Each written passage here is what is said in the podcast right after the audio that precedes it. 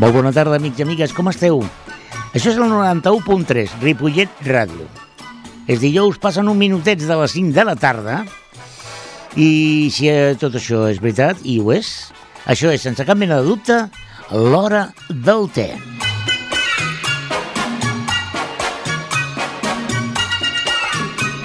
Bé, avui la veritat és que sóc molt feliç perquè tinc una, una molt bona amiga aquí a l'estudi. Bona tarda, Rosa. Bona tarda a tothom. Avui tenim a la Rosa Espàrrec. Rosa Espàrrec és una dona extraordinària. Francament, és una dona vital, és una dona que ha fet un munt de coses i molta gent, potser per el nom de Rosa Espàrrec, eh, molta gent, moltíssima gent la coneix per el seu nom, però segur que qui no la conegui per la Rosa Espàrrec la coneix per la Cigronaire. Sí, senyor. Bueno, Rosa, abans de començar l'entrevista, t'he de fer la pregunta que fem sempre a tots els convidats. Té o cafè? Cafè. T'agrada més el cafè que el té? Sí. Com és això? El te m'agrada, però de gustos. Mm, I segons com tinc el cos. I el te i el cafè ben bé, cafè sal tampoc. M'agrada un talladet. Goita tu. Mira, Eh que és difícil la cosa? no, però està bé, està bé. A veure, eh, Rosa, d'on et ve el- el- el- l'apodo de, de Cigronaire? Els meus avis, sobre, no sé si l'any 36 o 38, no, ja abans, abans, van posar una botiga al carrer Calvari i venien cigrons i mongetes cuites, llenties, i resulta que, és clar van començar a dir sí, Can Cigronaire, Can Cigronaire. I, va ser, I es va quedar a Can Cigronaire. Va, van tenir la botiga molt, molts anys o...? Molts anys. Bueno, jo deia l'any 30 i pico, no, abans d'aquest any. Caram. I quan la van tancar se li deia la casa antiga Casa Cigronaire, perquè a més a més de la botiga del carrer Calvari teníem al mercat, on és ara l'auditori, teníem dues parades i allà també venien mongetes, cigrons, i inclús me'n recordo jo d'haver vengut macarrons cuits Macarrons cuits. Macarrons cuits, és dir, que si algú volia fer macarrons, també hi havia macarrons i a vegades inclús la iaia s'entretenia a fer una mica de verdura i la portàvem, la verdura, que no es venia, la dinàvem o la sopàvem nosaltres. Però ja, te'n dones compte, ja tenien la visió de portar coses cuites i fetes perquè la gent pogués eh, comprar-les. És a dir, que mm, casa teva, suposo, perquè clar, ara eh, es fa tot a nivell industrial, però en l'època No, no. que en parles, casa teva sempre bullir l'olla amb els cigrons i les mongetes. jo et puc dir que el meu avi, jo et dic el que jo recordo, perquè ells fan més anys, jo me'n recordo que l'avi s'aixecava a les 3 de la matinada, encenia els focs que eren de serradures, eh? que ho teníem, eren uns, eh, uns mamotretos de ferro, colat amb serradures, i ell s'aixecava a les 3 del matí perquè allò se- s'encengués bé, posar les olles, quan ja baixava una miqueta, ell s'anava a treballar, que treballava a l'Uralita, i la iaia s'aixecava a mirar que anessin bullint a poc a poc, i a les 8 del matí, quart de nou, doncs treien les olles, el meu pare l'ajudava, si no l'ajudava jo, que era la gran, i la iaia doncs, posava, i anaven cap a la plaça i posàvem a fer. Però sí, sí, a les 3 de la matinada començaven ja perquè ni olles expressos ni res. Era aigua, sal, una espurna de bicarbonat i sense acabó. I quan es va inventar el famós, em sembla que es deia Decor, que era un, un aparato que passava l'aigua de l'aixeta per dintre i es colava tota la calç, com l'aigua era més neta de calç, se, es podien caure en menys temps, però una hora, una hora i mitja, no més. Suposo que la teva infantesa a- avorriries, no? Els cigrons i les pues no, mongetes. no, no es vaig avorrir. No? Eren tan bons que no es vaig avorrir. Perquè a casa, a més a més de mongetes, cigrons, llenties, la iaia era una bona cuinera i ens feia menjar de tot. Però sí que és veritat que no es vaig avorrir. Ves per on, ves per on. Quilos i quilos de cigrons van fer de la infantesa de, de la Rosa el, a l'apodo de la cigronaire. Uh, la figura del teu pare, el senyor Espàrrec, també era un home, era un home important, no? Sí, sí. Dintre del poble. El meu pare, els seus pares, eh, tenien cavalls, tenien viram, ell eh, es va criar mm, treballant al bosc, eh, era un senyor alt i fort, I la veritat és que quan es va casar i va passar a formar part, ell ja va començar a treballar a l'Uralita també, i a més a més, doncs, després ajudava a casa els meus avis, que a casa mai faltava feina, n'hi havia per tothom. Eh, podem dir que la teva infantesa va ser una infantesa feliç? Molt feliç. Perquè tens molts germans? Jo tinc dos nois i una noia, en som quatre. Quatre. Jo sóc la gran, clar, la gran, per això poder era la de rebre els cops, com diuen, però no, jo me'n recordo d'una infantesa molt, molt feliça, molt feliça. Vaig treballar molt jove, però com que eh, m'ho prenia una miqueta com un joc. Home, jo crec que el qui conegui a la Rosa Espàrrec sap que és una dona vital, és una dona feliç. Sí, sí, sóc molt. Tot i tenir els problemes típics de tothom, Però els problemes, com dic jo, si a sobre es porten amb, amb alegria, uh -huh. doncs com que fan menys mal. La Rosa ha estat i és encara una dona molt activa, ha estat regidora de l'Ajuntament de Ripollet, que d'això parlarem, actualment és la presidenta de Dones per la Igualtat, Sí. i també hi col·labora i participa i s'implica en moltes més entitats, que més endavant parlarem de tot això. Però, Rosa, quin va ser la teva primera feina al marge de vendre cigrons al... pues la meva primera feina, mm, a marge de vendre cigrons, va ser a Cala Amèlia, una botiga també que tothom la coneix, a Cala Amèlia, al Gavarra, que hi anava a les tardes o els de matins, no feia tot el dia, a vendre roba. I m'encantava. Vendre roba m'encantava. Per això vaig posar una botiga de roba cap de molts anys. Quina edat tenies, aleshores? Uh, devia tenir 19 anys, 18 o 19 anys. 18 anys va ser quan vam deixar la botiga ja, que no me la vaig voler quedar perquè era dissabtes i diumenges, venia la gent a comprar la, el que passa amb els veïns, no? que deien, oi, m'he deixat a l'oli, però és igual, Can Cigronaire m'obriran. I jo vaig decidir amb la iaia, quan va dir que ella no volia seguir, jo li vaig dir, jo iaia em buscaré una feina, però que jo el dissabte i el diumenge pugui estar feliç. I va ser que me'n vaig anar a Cala Amèlia. a- I en allà venia roba. roba. Sí, allà venia roba. I això va formar part també d'una activitat que t'agrada molt Molt, i que encara fas. sí. Perquè Cosir. un, cosir, perquè t'agrada molt de cosir, no? Sí, sí. I Jo molta que- traça. Jo la veritat és que quan es va morir ma mare, que tenia 15 anys, la iaia em deia, home, doncs que sàpiga brodar, que sàpiga cosir, el que passava abans, no? I a la senyora Conxita em va ensenyar a brodar a màquina i la Teresa de Can Saber em va ensenyar a cosir. I ella no li agradava ensenyar a ningú, però me'n recordo com va ensenyar el tall Martí, i la veritat que va tenir molta paciència amb mi. I, no, i vaig començar amb aquesta edat i vaig sortir quan em va fer el vestit de núvia per casar-me, amb 21 anys, que a mi 22, va ser quan ja ho vaig deixar, però eh, sempre m'ha agradat perquè m'agradava cosir, eh, veure roba, provar, i era un món que em cridava l'atenció. A tu el que t'ha agradat sempre és el tracte amb la gent, pel que veig. Sí, això és veritat. Ja des de molt això veritat. havies de- Sempre, darrere d'un taulell. Posar bona cara, no?, per la clienta. Vinga, reina, no? Sí, sí, sí, jo crec que sí. Molt bé. Eh, una de les activitats que ha marcat molt la teva vida ha estat l'activitat política. Pues sí. Com comences a... Com una dona de Ripollet, de... mm, Bueno, vinculada al comerç, que es casa jove... Com, com, com li dona la, la, la bogeria de, de ficar-se en això? No, no va ser bogeria. Mira, jo et tinc que dir que aquí a Ripollet, quan jo em vaig casar, que tenia 21 anys, eh, resulta que no hi havia ambulatori. Per qualsevol cosa tenien que anar cap a Cerdanyola. Resulta que vam començar una colla de veïns, l'associació de veïns, eh, van començar a demanar. Mm, I jo vaig creure que era algú que és veritat que Ripollet ho necessitava. Jo me'n recordo que estava en estat de la meva filla, tenia una panxa molt grossa, i, i em deien els verds, els guàrdies civils em deien senyora, no le da vergüenza a usted con esa barriga. I li deia, no, porque vengo a pedir algo para mi pueblo. I així va ser com vaig començar jo a, a dir, ostres, és que si no surts a cridar, ningú fa cas. Mm. I, i en mica en mica va anar. I en mica en mica doncs, em, vaig, em vaig anar posant en aquest món. Vam veure que amb panxa i tot Sí, eres molt guerrillera, no? sí, sí, I van dir, aquesta dona l'hem de fitxar. Quan Pues sí. comences a... Quan, quan entres com a regidora? pues, eh, regidora va ser l'any 92, però molts anys abans ja em havia fet del Partit Socialista jo. Molt bé, i comences de regidora amb I el vaig Carles començar Ferrer? a regidora amb el Carles Ferrer i me sembla que era...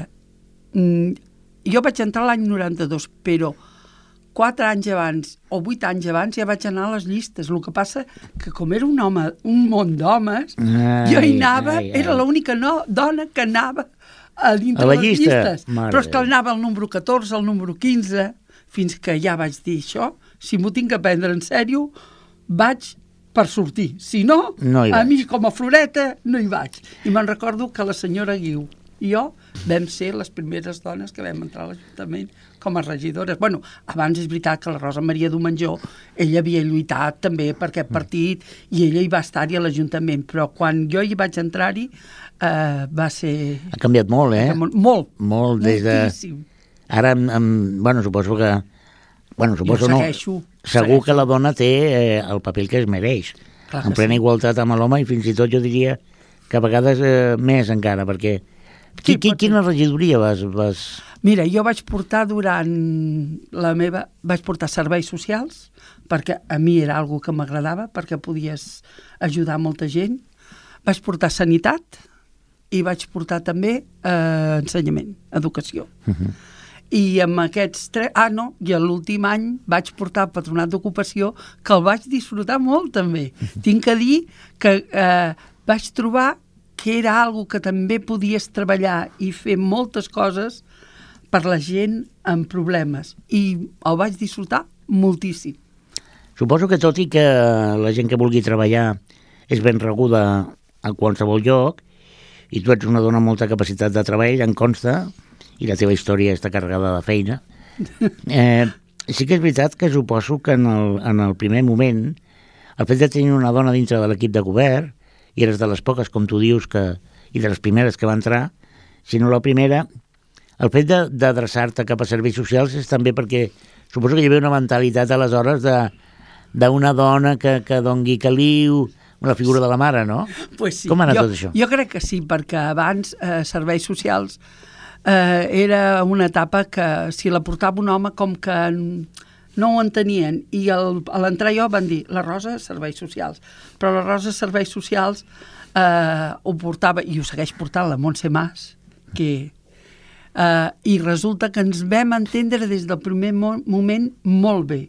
I ens vam anar engrescant a fer feina i a fer coses i vam canviar moltíssimes coses que jo en sento molt orgullosa de, de tot. Però, Rosa, eh, tu que ets una dona de patir... Eh, Sí, també vaig patir. Patir de mera. És una feina que pateix molt, no? Sí, també patia. Perquè veure el, el, el, el, els problemes de la gent, haver de donar una opció eh, a gent que està molt, molt, molt necessitada d'ajuda, suposo que va cremant mica en mica, no? A veure, sí, jo primer temps el vaig passar bastant fumut, perquè, no sé, anava a Jeroni de Moragues, veia aquella canalla que necessitava tant, eh, gent que venia demanant i poder no podies, perquè és veritat que abans pues, tot era no hi havia càritas, eh, eh, si tenien menjar, si pagaven llum, si devien alguna cosa, tenia que ser tot a través d'Ajuntament i la veritat que no, no hi havia gaires diners. Però mica a mica, com que vam anar girant les coses, i és veritat que els primers quatre anys van ser mm, patidors, van ser patidors, perquè a mi em feia mal tot, mal, no mal, de, sinó del cor. El tu no- portaves a casa, no, el sí, problema? Sí, sí, i em deien, Rosa, així no pot ser pel món.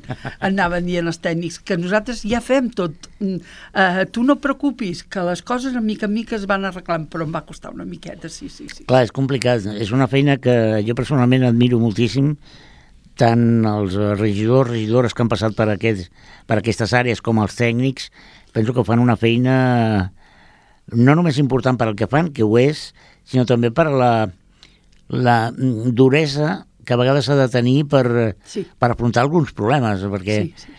des de casa i des de el cor tothom trobaria solucions, però quan has de portar-les a terme és fumut, això. No, no, és veritat que és, eh, és un, una de les coses difícils i la veritat és que jo també dic el mateix, que la gent que treballa a serveis socials, tots els tècnics, la veritat és que mm, tenen que tenir el, el cap molt ben moblat per poder arribar eh, al dia i quan se'n van a casa seva tenir la seva vida perquè... Però com a contrapunt tenim ensenyament, Sí, que és el contacte amb la canalla, que això és, eh, és una alegria absoluta, és no? agradable, és agradable.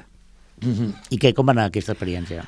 També molt bé, però jo venia, veníem d'una moguda bastant grossa amb les escoles, que saps tu que va haver-hi Mhm. mogudes, i em va costar una miqueta, però el que sí se'n van donar compte a les escoles és que quan jo deia que no podia ser, no podia ser.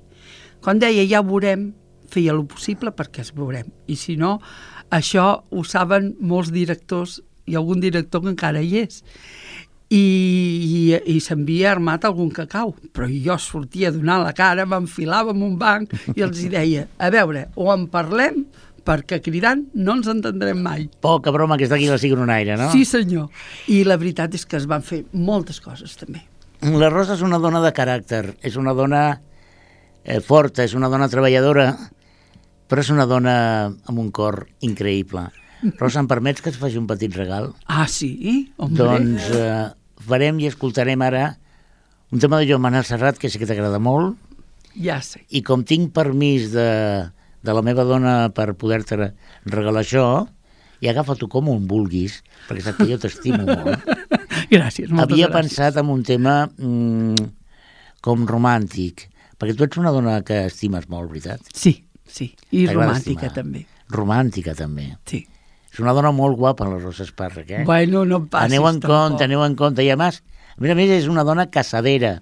Vull dir que està Ai, en edad de merecer. per Per tant, si hi ha algun milionari, un, algun home gran que tingui molts calés, i... Per favor, no em venguis, no em venguis. Home, Rosa, Jo vinc molt bé sola, també. ja, però tu em vas dir, home, fes-me publicitat, Home, no? però que és dolent. Home, igual imagina't que arriba a l'Onassis o algú d'aquests. No, un Onassis, no, un Richard Gere encara. Bueno, doncs Jo vinga. posar de fer, Ja ja, vinga, no? demano.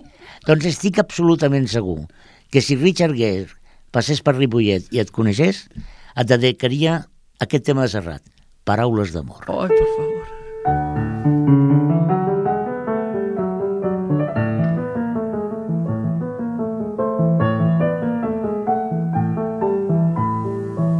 Ella va estimar tant. Jo me l'estimo encara. Plegats vam travessar una porta tancada. Ella com us ho podré dir era tot el meu món llavors.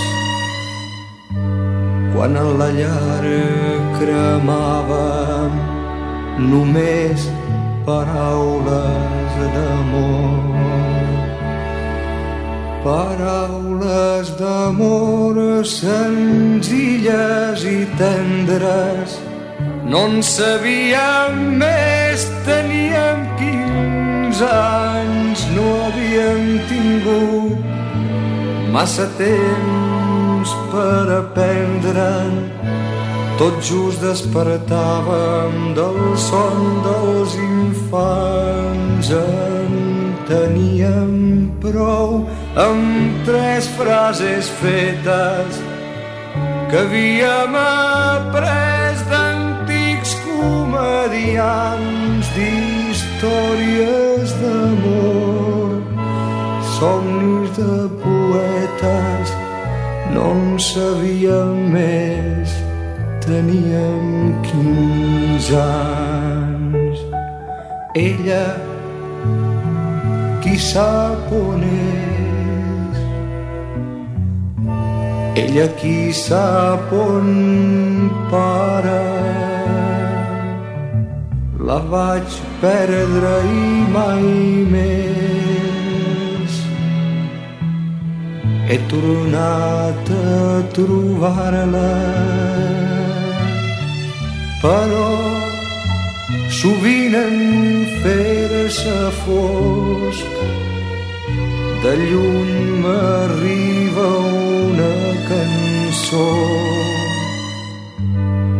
velles notes, vells acords, velles paraules d'amor.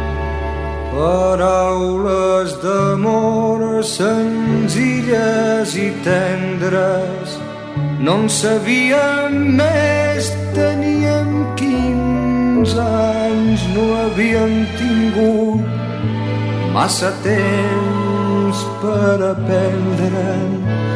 Tot just despertàvem del son dels infants. En teníem prou amb tres frases fetes que havíem après d'antics comedians d'històries d'amor. Somnis de poetes no en sabíem més. Teníem 15 anys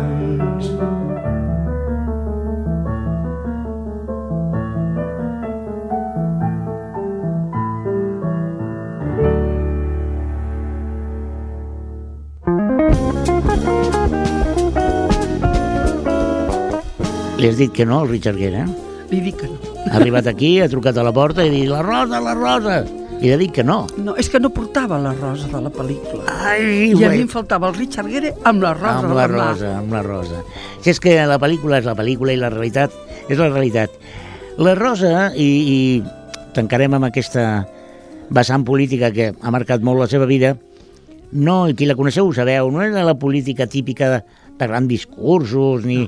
Era una dona que, com a mi la gent que treballa pel seu poble, és gent de prop, sí. perquè hem parlat de la teva tasca dintre dels serveis socials, molt important, hem parlat també una mica de la tasca com a educació, molt important, però qui t'estima, qui t'aclama, qui et fa l'ola quan et veu, és la gent gran. Sí. Perquè tu t'has dedicat i et dediques a la gent gran amb, amb bogeria, no? Sí, sí, bueno, són, són com la canalla, són molt agraïts. I jo la veritat és que al casal d'avis, pues, la veritat és que hi anava tot el que podia, a més a més, pues, carnestoltes, eh, jo hi he arribat a, a fer, a anar a comprar roba amb ells, a ajudar a tallar, a cosir trajes que sortien 45 i 50 persones. I encara ara, encara ara, per Carnestoltes, la Maria Lledó, que està a Serveis Socials, eh, sempre em diu, Rosa, vindràs a donar un cop de mà. I jo hi vaig encantada. Clar, perquè no, no penseu que ho feia per, eh, perquè de bé hi sortia la foto. No, no, No, no, és que encara ho fa. Sí, sí, sí. És o que quan ho fa. fan teatre, ells em conviden, quan surten a cantar, em conviden, i si jo puc anar-hi, que no tingui cap compromís, la veritat és que hi suc per, i, i hi vaig perquè m'agrada estar amb ells, m'agrada. Molt bé, però clar, la Rosa és que és d'aquelles persones que li costa molt dir que no quan li fan una proposta. És veritat. I clar, dius, bueno, ja està, no? ha deixat la seva vinculació política en el poble, doncs ara es dedicarà amb les seves netes, que per cert té unes netes precioses, Precioses. i dius, ja està, no? Doncs eh, bé, quatre remiendos a casa, i...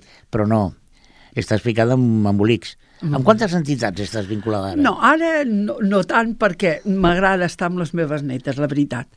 pues, bueno, eh, aquest any, fa un any, em van dir si volia ser la presidenta de Dones per la Igualtat. Vaig dir, és molt. Van dir, és un cop a la setmana ens trobem.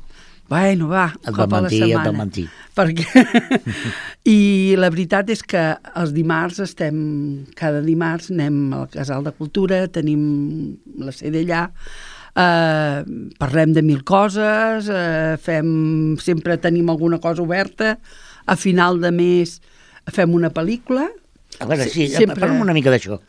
Perquè Dones per la Igualtat és una entitat que formada per dones, suposo? sí, sí. Només sí. per dones? De moment hi ha dones. Ara venen a les pel·lícules i els, a les xerrades i el que sigui, està oberta a tothom, eh? I l'activitat és adreçada a... Bueno, si algú vol venir a preguntar alguna cosa, doncs nosaltres el que no fem és, o els, segons el que demanen, sempre els adrecem a serveis socials o a dones o a algun lloc on elles puguin anar si vinguessin a preguntar o alguna cosa, perquè nosaltres no ens podem posar en camises d'onze vares. L'únic que sí és veritat, cada vegada se sap més doncs, cap a on tenen que anar, però si algú ve despistat, sí que és cert que nosaltres el que li diem, mira, el teu cas, doncs l'adreces, te'n vas, telefones, té el telèfon, truca a serveis socials o truca a tal lloc o truca a tal altre. Nosaltres només no fem res més. I a banda de l'orientació també feu activitats, perquè sí, no pareu de sí, fer coses. Sí, és veritat, sempre fem Em, activitats. em deies que un cop al mes feu una pel·lícula? Una pel·lícula, mm, el que passa és que eh, ara ja comença a allargar-se el dia, perquè l'ideal és fer una pel·lícula i resulta que després doncs, preguntar, buscar algun tema que sigui eh, maco o fort, que la gent després pugui preguntar o dir-li què li ha semblat, com ho ha vist eh, i coses d'aquestes. Eh, mira, el dimarts passat vam tenir Lo Impossible, que era el tsunami mm. que va passar. Jo ja l'havia vista, vaig tornar a plorar com mai la segona part. I, I la veritat és que la gent, dintre de tot, li va agradar, perquè són coses que passen en veritat.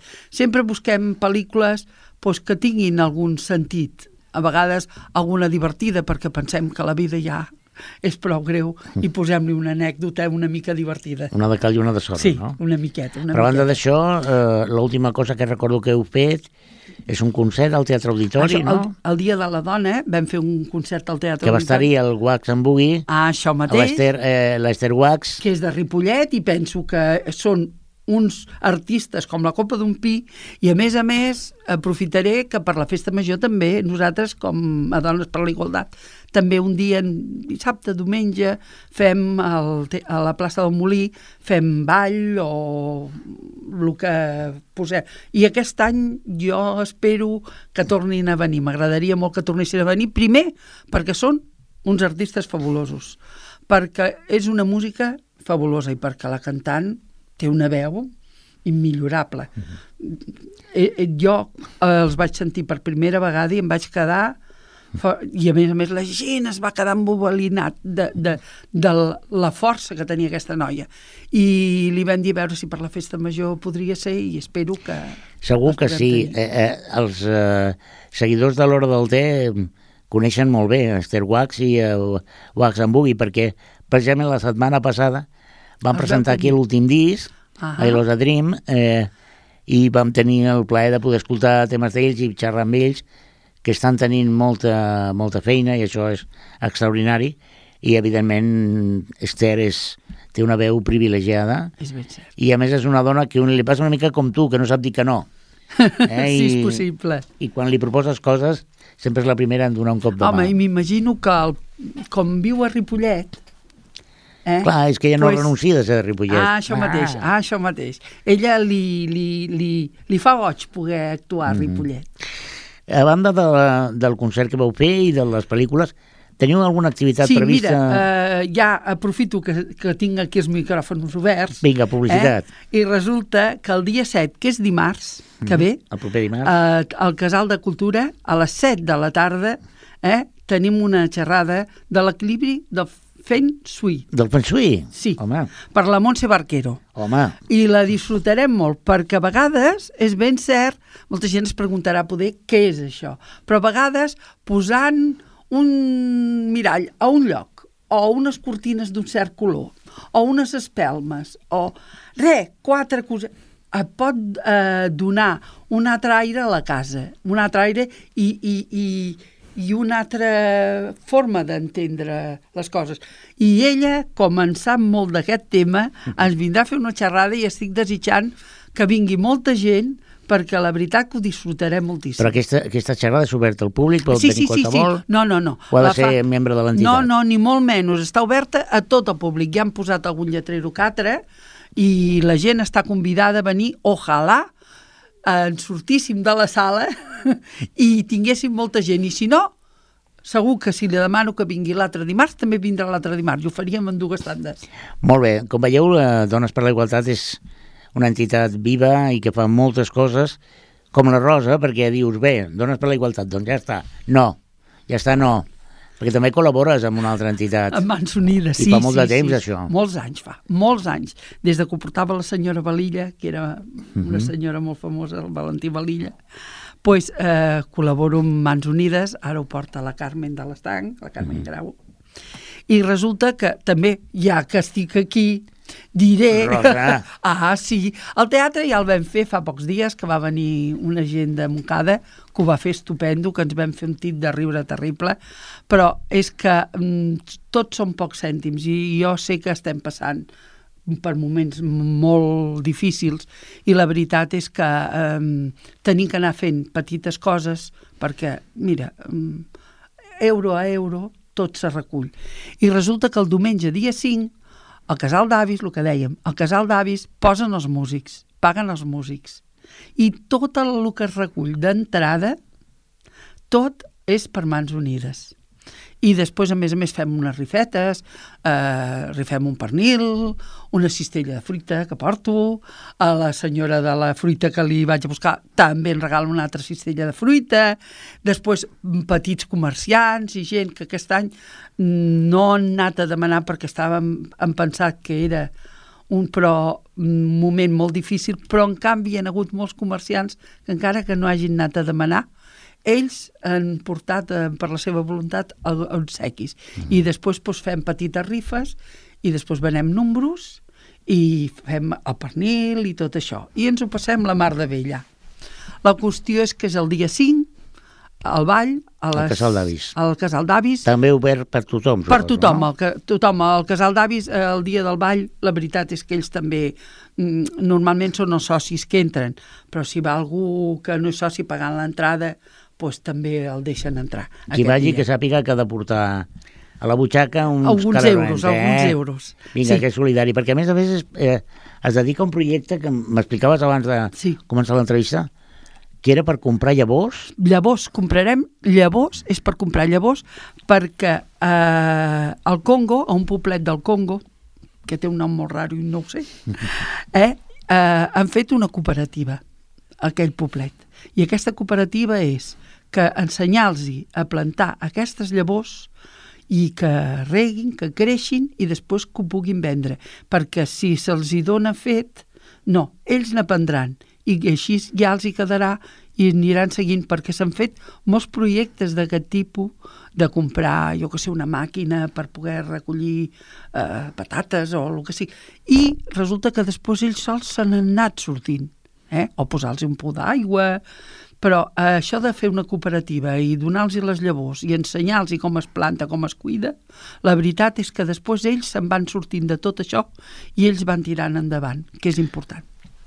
mm, a vegades veiem entitats com a, com a Mans Unides, com a Càritas i, i a vegades fins i tot Creu Roja com a entitats Sí. eh, que tenen un origen, però arriba un moment que la necessitat és tan gran que qualsevol estructura, entitat, persona que vulgui ajudar, Sí. hem d'obrir les portes. Jo No, crec no. que ens hem de, de deixar de romansos i ara toca fer feina i ajudar, no? Perquè mm, mm, tu penses que, que, que la cosa està molt fumuda fora, però aquí també, no? També, també, no. I aquí la veritat és que tinc que fer. Tant Càritas com Creu Roja està fent una labor molt bona i altres entitats de recollir menjar perquè hi ha molta gent que està menjant gràcies a aquests donatius de persones que també estan passant problemes, però en canvi se'n van a comprar i compren un quilo d'arròs o un quilo de sucre, el que sigui, per poder donar. Ells no en tenen, però encara, i si no fos per aquesta solidaritat de la gent, la veritat és que encara ho passaríem més malament, però Ripollet és que és un poble, és un poble molt solidari. Jo em sento molt orgullosa de ser de Ripollet perquè crec que és eh, no em conec tant dels pobles de lo que fan o el que deixen fer, però jo sé que Ripollet és dels pobles que hi ha per aquí al voltant que són molt solidaris amb la gent. He de dir que sí, i aprofito eh, la benentesa per eh, agrair molt sincerament a la gent eh, i els col·laboradors d'aquesta casa, de Ripollet Ràdio, que, com sabeu, sempre que tenim ocasió, eh, sortim al carrer per recollir aliments per al Banc d'Aliments de, de Càritas i, francament, he de dir que tens raó. La gent de Ripollet és molt solidària quan toca quan to, to, toca zafarrancho de combate, que dic jo, la gent està present i hem de dir les dades de, del pes de les últimes recollides no les conec, però he vist els passadissos de la casa plens de, de caixes amb aliments i crec que, que és una feina que hem de fer entre tots. Mm, mm, Ojalà no l'haguéssim de fer. Ojalà. Això voldria dir que tothom, a tot el món, té com a mínim per menjar, però malauradament aquesta maleïda crisi el que afecta és el que ho té pitjor. I per tant tots hem de ser una mica més solidaris, no? Rosa, mm, a banda de Càritas, que ja has fet publicitat, a banda de Dones per la Igualtat, que has fet publicitat, a banda de que ser encara és vinculada en el Partit Sí, Socialista de Ripollet, estic a l'executiva del Partit a Socialista. Jo, encara que no estigui posada dintre de la política del... vas donar un cop d'ull a vegades, Sempre, sempre. Jo, Perquè li- no de- aquí que no se m'escapi ningú. no? Que no se t'escapi ningú.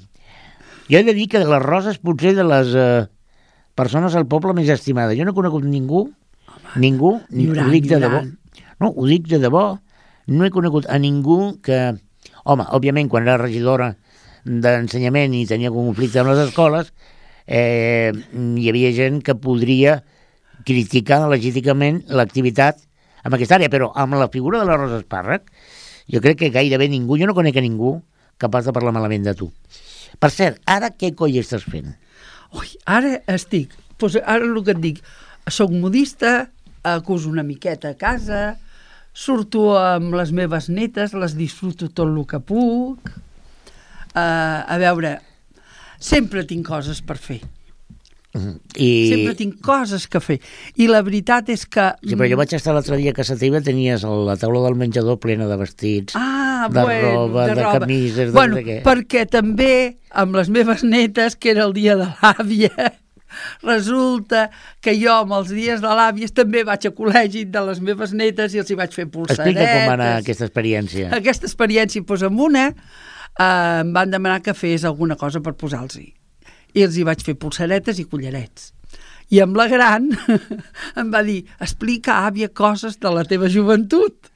I resulta que, és clar, jo els hi vaig explicar coses que eh, jo havia viscut de petita, perquè ara resulta que van en cinturó de seguretat, en cascos per anar en patinet, i jo li deia, quan jo era petita, el meu pare tenia una moto i pujava ma mare amb els meus quatre germans a la moto per anar a veure la meva iaia A Teresa. veure, a veure, a veure, a veure un moment. Sí, sí, Quatre germans, la dona i el pare, amb una moto? sí. És dir, tu imagina't, dos a davant al motor, el meu pare, un altre germà al mig, ma mare, i amb un cotxet que tenien de fusta, ma mare ben agafat, és ben cert que de casa del carrer Calvari al carrer Casa Noves, o Cera Nova, Casa Noves, allà hi- no hi havia cotxes, no hi havia res. I jo ho penso ara, jo tenia, doncs ja veus, si ma germana tenia un anyet, eh, jo en tenia nou. Clar, de portar casco i tot això... No es feia, no. No. es portava. I només anàvem a veure la meva iaia Teresa. Després el meu pare es va comprar una moto, un sidecar. Ah, mira, Ah, i després Perquè el un sidecar ja tots pujàvem al sidecar, un sobre de l'altre, què creus tu? Però no sortíem de Ripollet, eh? Amb això és clar, i els nens haurien d'al·lucinar, no? Al·lucinaven, en deien, oh, això, dic, goita, dic, i ara, pobre de vosaltres, que aneu sense cinturón.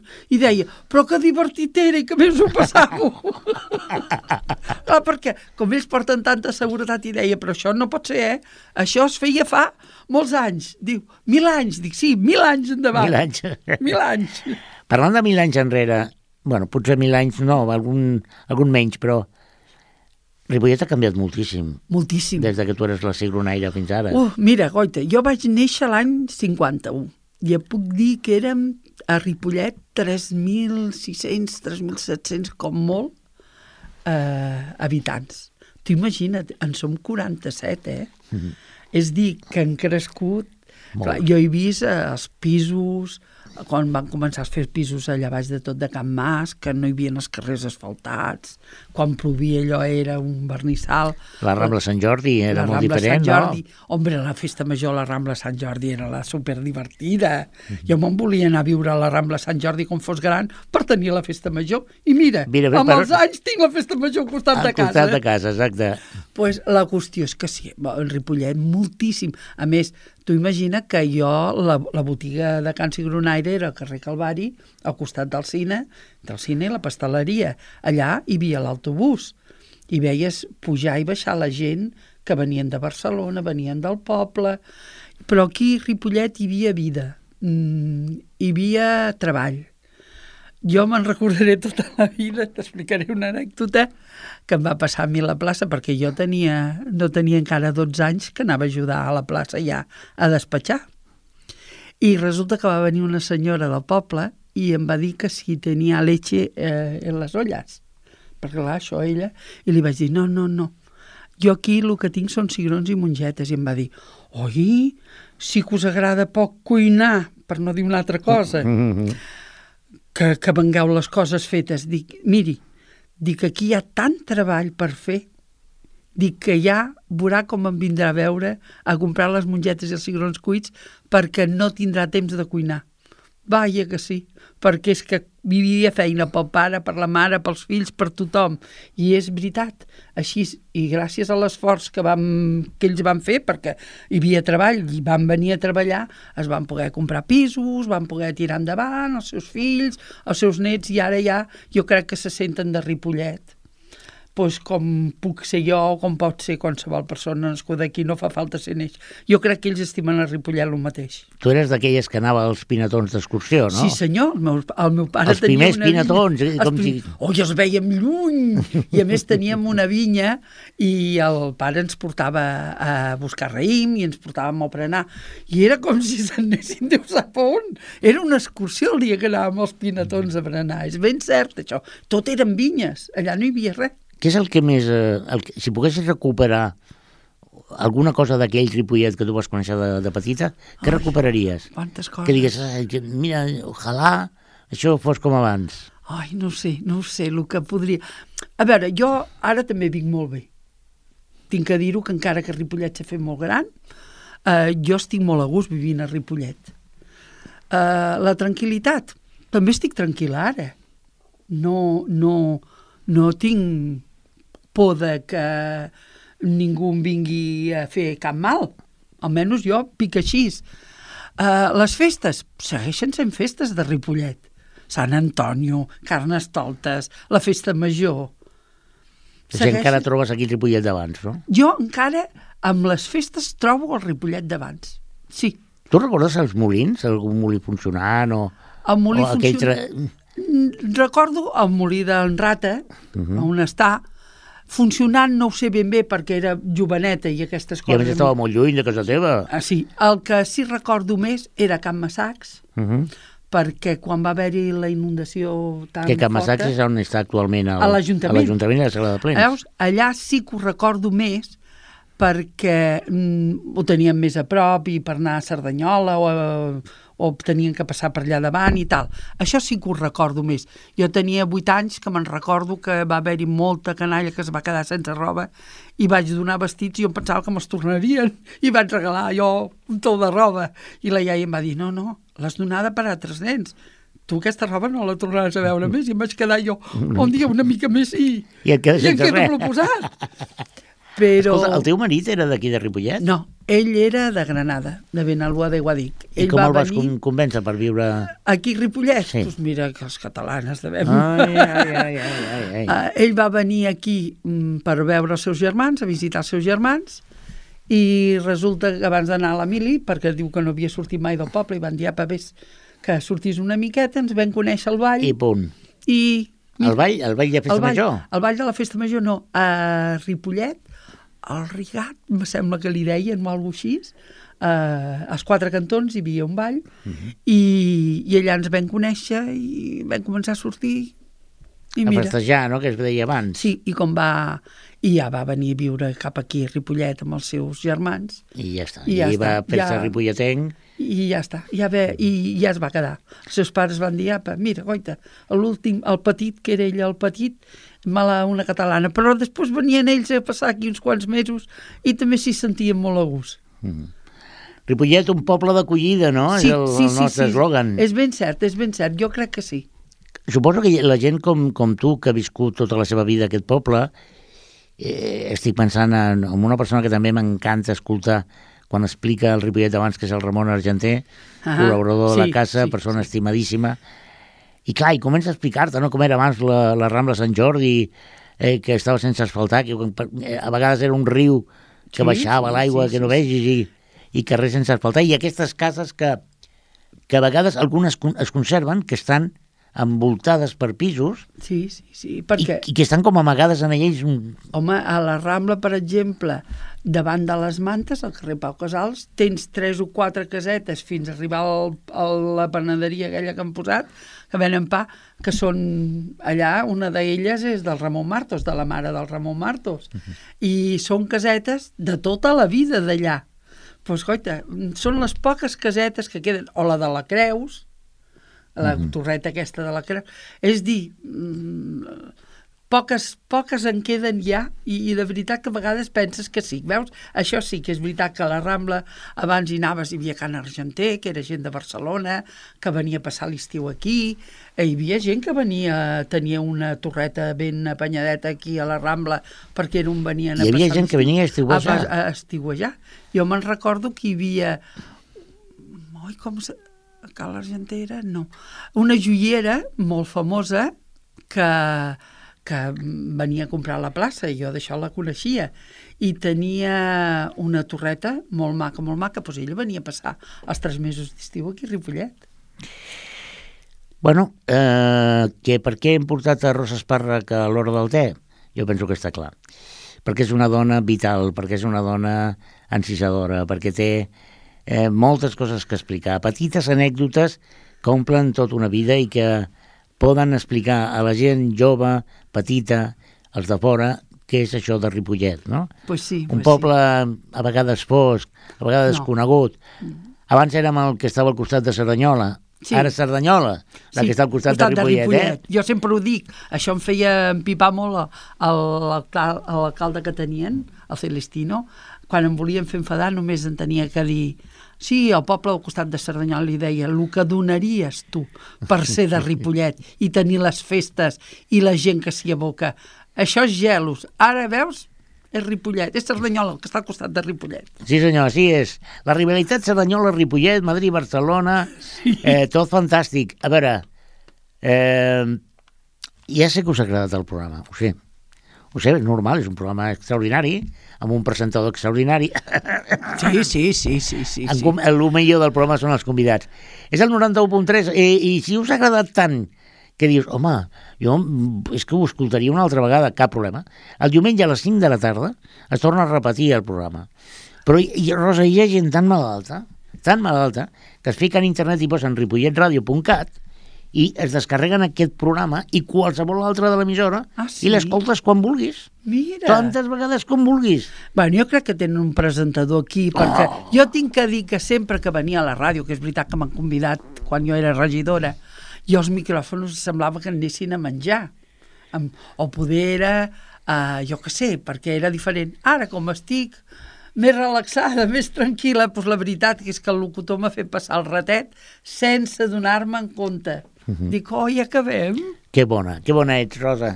No, eh. I tot això no t'ha fet por perquè tenim el Toni Miralles, avui el tècnic accidental, al que volem donar les gràcies per la seva...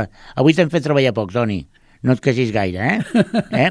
Però um, jo voldria acomiadar-me de tu eh, donar, posant una cançó que és Com jo et veig a tu. Molt Jo et veig a tu com un tema que va fer molt famós el duo dinàmic, eh? Et sembla que ens acomiadem amb Ens- aquest tema? M'encanta el duo dinàmic. No pot ser un altre que 15 anys tiene mi amor. Moltes gràcies. Rosa, moltes gràcies. Ai. doncs nosaltres ens tornem a veure el dijous que ve a Ripollet Ràdio, al voltant de les 5, a l'hora del té. Gràcies.